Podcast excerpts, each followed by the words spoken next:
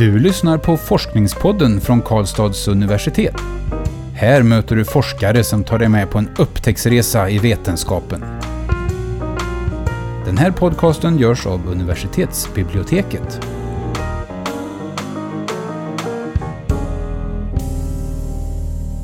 Hej och välkomna till Forskningspodden. Mitt namn är Magnus och eh, jag har med mig min kollega Nadja också idag på telefon. Hej Nadja! Hej hej! Eh, vår gäst idag, också med på telefon, är Anna Willman. Varmt välkommen Anna! Tack! Du är doktor i omvårdnad och din forskning handlar om nyutexaminerade sjuksköterskor som arbetar inom akutsjukvården på sjukhus. Eh, vill du börja med att berätta lite vad din avhandling handlar om? Eh, den handlar om nyutbildade sjuksköterskor och då har de alltså arbetat, jag studerar dem eh, över tid, så att det är från där de börjar till eh, under deras första ett och ett halvt år.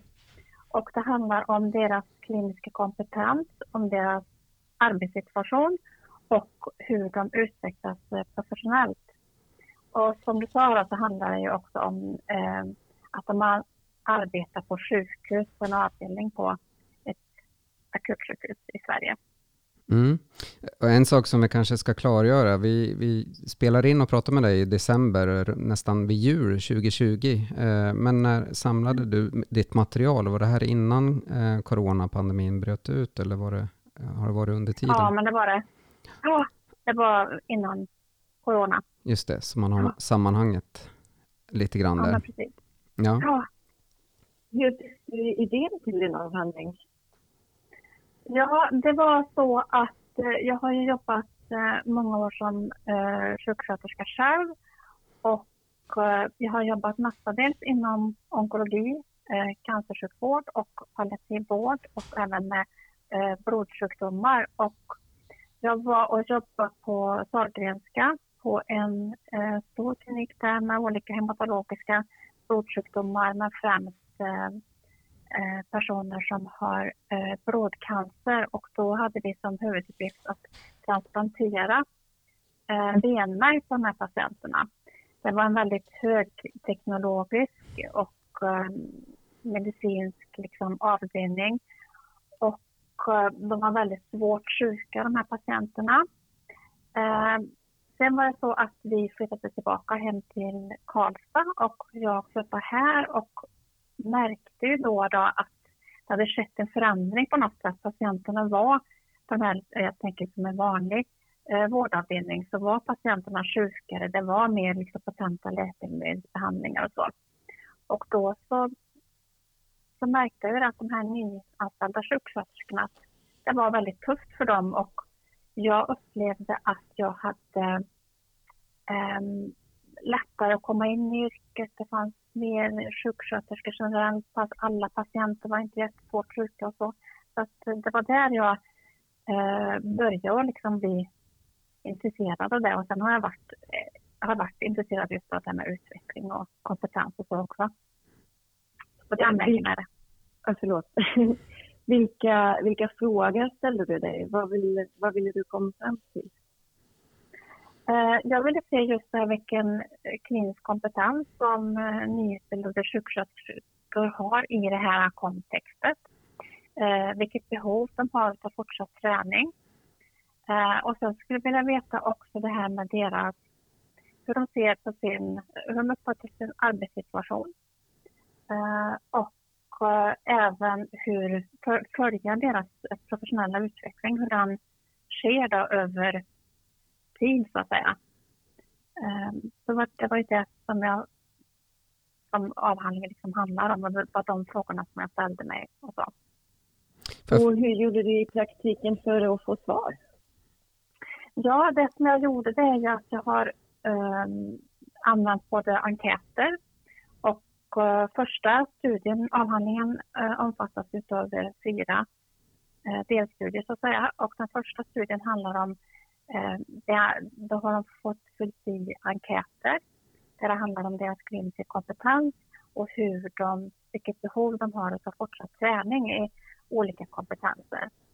Ehm, och eh, den här tredje studien den handlade om att uh, följa de här nyutbildade sjuksköterskorna över tid. Så då fick de fylla i samma eh, frågeformulär från början då, till att de hade jobbat i 15 månader.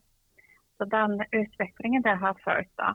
Och sen har jag även gjort um, intervjuer, ehm, um, fokusgruppsintervjuer där man intervjuar de här nyutbildade i grupp. Och då hade de arbetat i sex månader och sen så gjorde jag också ehm, um, fokusgruppsintervjuer. De hade jobbat ett och ett halvt år. Då.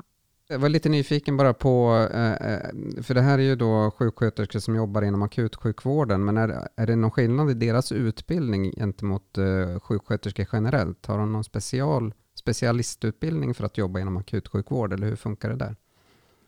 Nej, sjuksköterskor som jobbar akutsjukhus, det heter ju liksom akutsjukhus, men vi säger ju i dagligt tal, så det är ju de sjukhus till exempel som vi har här i, i Värmland, det är ju akut, sjukhus, men det är ju liksom vanliga sjukhus så att säga.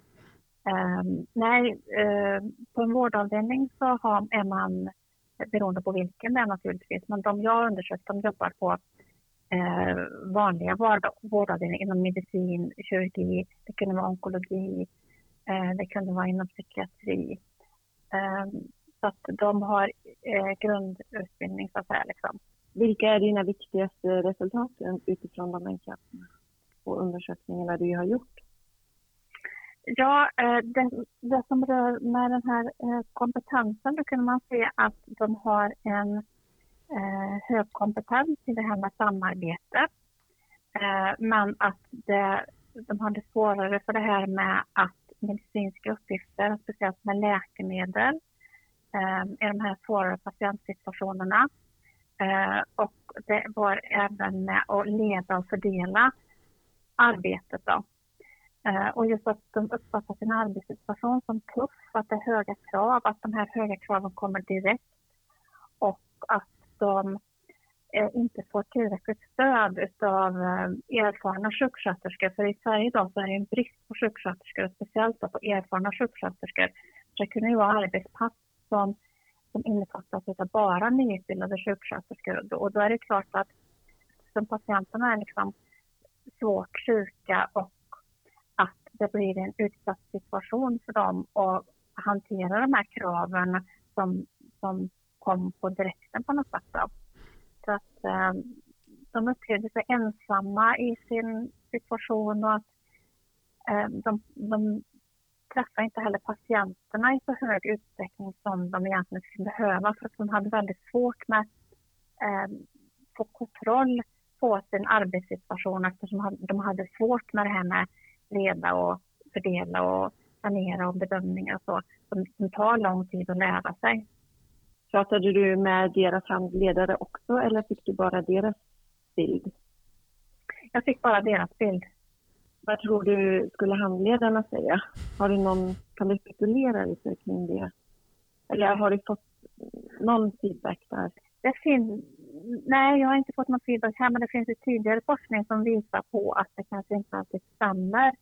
Eh, man har ju sett just på eh, mentorer eller handledare så att det kan skifta liksom eh, beroende på eh, nyutbildad sjuksköterska, eh, om det är en handledare så, har, eh, bedömer deras kompetens, att, att det kan eh, skilja sig lite grann.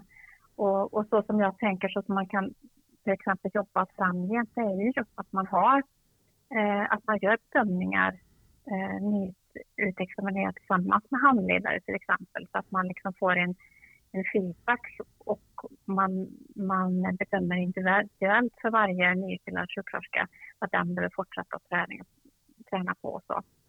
Jag tänkte bara om eh, det generella stödet, om handledarna är ett stöd förstår jag, men finns det andra sätt att stödja de nyutbildade sjuksköterskorna som sjukhusen eh, använder sig av? Jo, men det gör det ju. Många regioner i Sverige har ju introduktionsprogram för nyutbildade sjuksköterskor. Och det stödet kan ju bestå av olika liksom stödaktiviteter. Det kan vara föreläsningar, det kan vara träningar, det kan vara eh, handledning och reflektion och sådana saker. Eh, men oftast så är det så att de eh, introduktionsprogrammen de är kanske 12 dagar som är liksom fördelande under ett år. Och det jag såg det är att de är nyutbildade de behöver stöd i, i sin, i sin liksom dagliga arbetssituation så att säga. Så det är ju liksom intressant om man skulle kunna gå vidare med och beforska det på något sätt och se hur man också kan stödja dem i sitt dagliga arbete. Det för att stärka dem men också öka kompetensen och tryggheten och även att, att det blir patientsäkert och att de faktiskt vill stanna kvar. För det jag såg det var ju också det här att deras situation var ju så pass liksom pressad och kaosartad eh, på daglig basis att de faktiskt redan efter sex månader övervägde att sluta. Um, så att, så att det, är, det är ett väldigt stort problem vi har idag i Sveriges hälso och sjukvård. Och det är just att behålla eh, sjuksköterskor, både erfarna och nyanställda. Och vi har aldrig egentligen utbildat så många sjuksköterskor som vi gör idag. Men det har heller aldrig varit så stor brist. Mm. Så jag tror att hälso och sjukvården är en av de största utmaningarna som vi står inför nu. Det är faktiskt att behålla sjuksköterskor och stötta dem och främja dem på olika sätt. Liksom. Kan du ge oss en bild lite grann? Jag funderar till exempel på de här fokusgruppsintervjuerna. Eh, hur, hur, hur gick samtalen där och var de enhetliga i vad de uttryckte om eh, sina upplevelser och så? Eller fanns det avvikande röster också när du pratade med dem?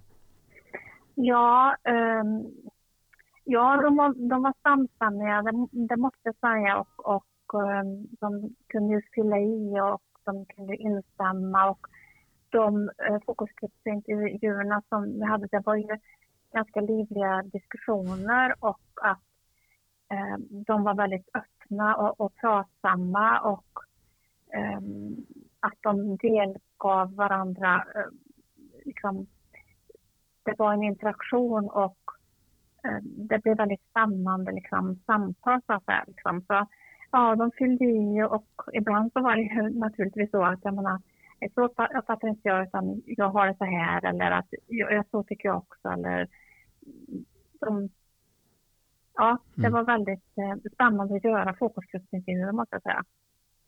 Är det någonting som tror att de kan använda det som ett stöd för sig själva, att de kan fortsätta träffas och så? Har du, vet du något hur det har gått efteråt så att säga? Nej, jag vet faktiskt inte det. För att först så, uh, de här sjuksköterskorna som jag intervjuade, eh, efter sex månader. Eh, meningen var ju egentligen att jag skulle intervjua dem också efter ett och ett halvt år. Men då var det ju många av dem eh, mestadels som hade slutat, som hade gått till mm. mottagningar, de hade slutat som sjuksköterskor och en del fick jag inte tag på. Så, ehm, eh, så att eh, jag fick intervjua eh, nya sjuksköterskor efter ett och ett halvt år. Så att jag vet inte hur... Det som man har inom omvårdnad är ju att man kan ha liksom professionell handledning eh, som är liksom en, en del av arbetet så att säga, som arbetsgivaren står för. Men det är ingenting jag vet att de har fortsatt att prata eller, eller testa så efter de här intervjuerna. När du sammanställde dina resultat, var det någonting som överraskade dig? Jag kan förstå kanske att de var liksom, att de ändå var så pass utsatta på något sätt. Att, de, att, de, att det tog ganska lång tid ändå för att de sjuksköterskorna som jag intervjuade efter ett och ett halvt år, de upplevde ändå liksom att de hade hittat trygghet och de hade hittat, liksom, de arbetat tillsammans i team och att de hade möjlighet att träffa patienten och så. Men det tog ändå ganska lång tid och jag trodde nog att det skulle gå lite snabbare faktiskt. Um, och just att de inte hade möjlighet att träffa patienten på det sättet. Hur, hur menar du då, inte kunna träffa patienter på, på det sättet? Kan du utveckla lite? Där? Ja, de hade ju liksom inte kontroll över sitt arbete på det sättet att de kunde liksom strukturera eh, Eh, och fördela och samarbeta liksom i praktiken, vilket gjorde att det var väldigt svårt för dem eh, bland de här liksom svårt sjuka patienterna och verkligen få tid och eh, lära känna patienten och utgå från patienten eh, utan att det var liksom mera uppgiftsbaserat på något sätt. Nu har jag gjort det, sen gör jag det och efter det så gör jag det.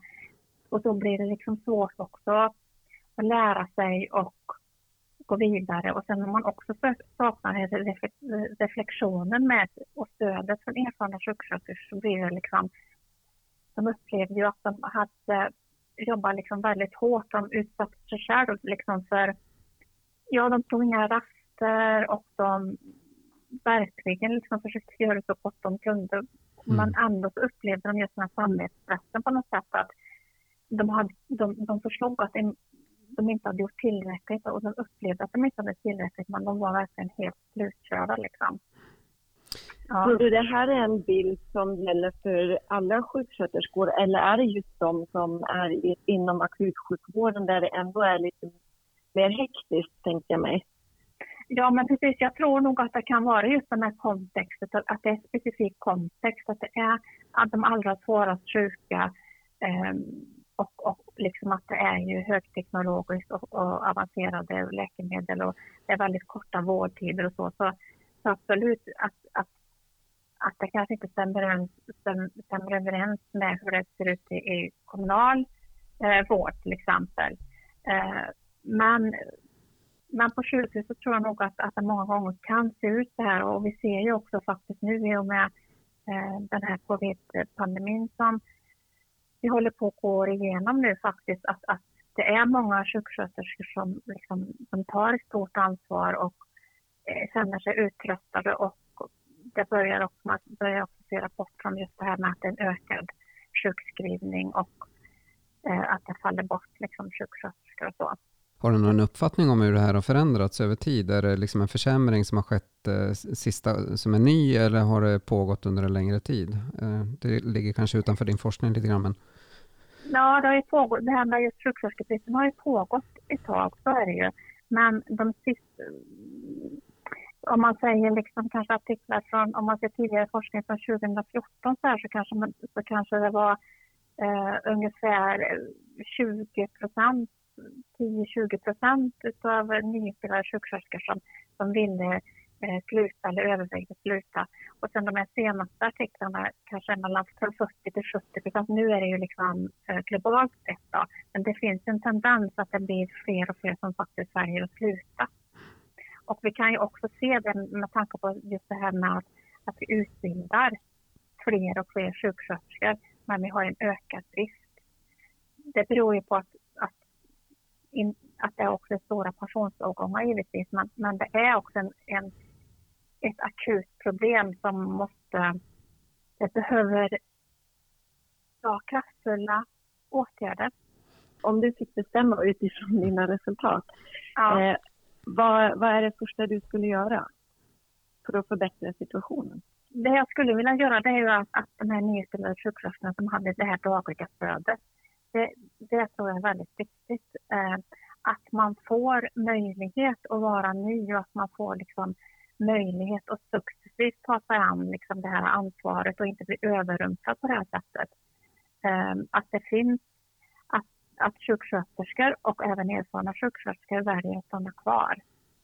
Ehm, för att få liksom ett, att man jobbar i team ihop så att det finns trygghet och stabilitet och möjlighet till utveckling och ehm, att man känner att få känna verkligen att vilket viktigt arbete man gör, att man gör skillnad liksom varje dag. Eh, det är ju där den här vinsten kommer tillbaka och det är då man får energi och glädje förstår liksom vilken, vilket fantastiskt kul arbete det är. Men jag tror att, att det måste på politisk nivå satsas på sjuksköterskor och om det skulle komma någonting positivt ur den här covid-pandemin eh, så kan det vara, eh, jag önskar att det är att sjuksköterskors liksom, eh, ansvar och samhällsansvar och vikten av omvårdnad, att den får lyftas och att, att vi får mer eh, resurser och att arbetssituationen för sjuksköterskor förbättras avsevärt. Så vilka hoppas du ska läsa din avhandling? Är det framförallt politiker eller? Finns det andra som kan ha glädje av den? Ja, du, jag tycker absolut att politiker ska läsa den. Ja. Absolut. Sen så tycker jag att sjuksköterskor eh, ska läsa den och då tänker jag också sjuksköterskor på alla nivåer egentligen. För det som är viktigt är just att eh, jag tänker nyutbildade kan få stöd i den och även eh, sjuksköterskor som handleder andra sjuksköterskor. Men även just på ledande funktioner, att sjuksköterskor har um, möjlighet att läsa just någon ledande funktioner. Men även just att det bidrar till eh, forskning så att det är an, andra sjuksköterskor även som, som är forskare. Och sen eh, kanske vi behöver avrunda lite nu. Vilka planer har du själv för framtiden?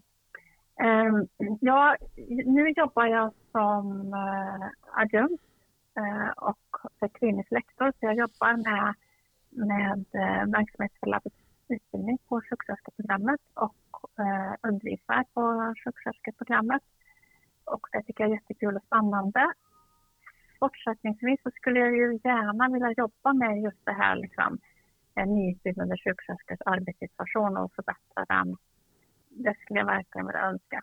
Att jag fick beforska mer och ja, det ska vara jättespännande. Vi håller tummarna, Anna. ja, men precis.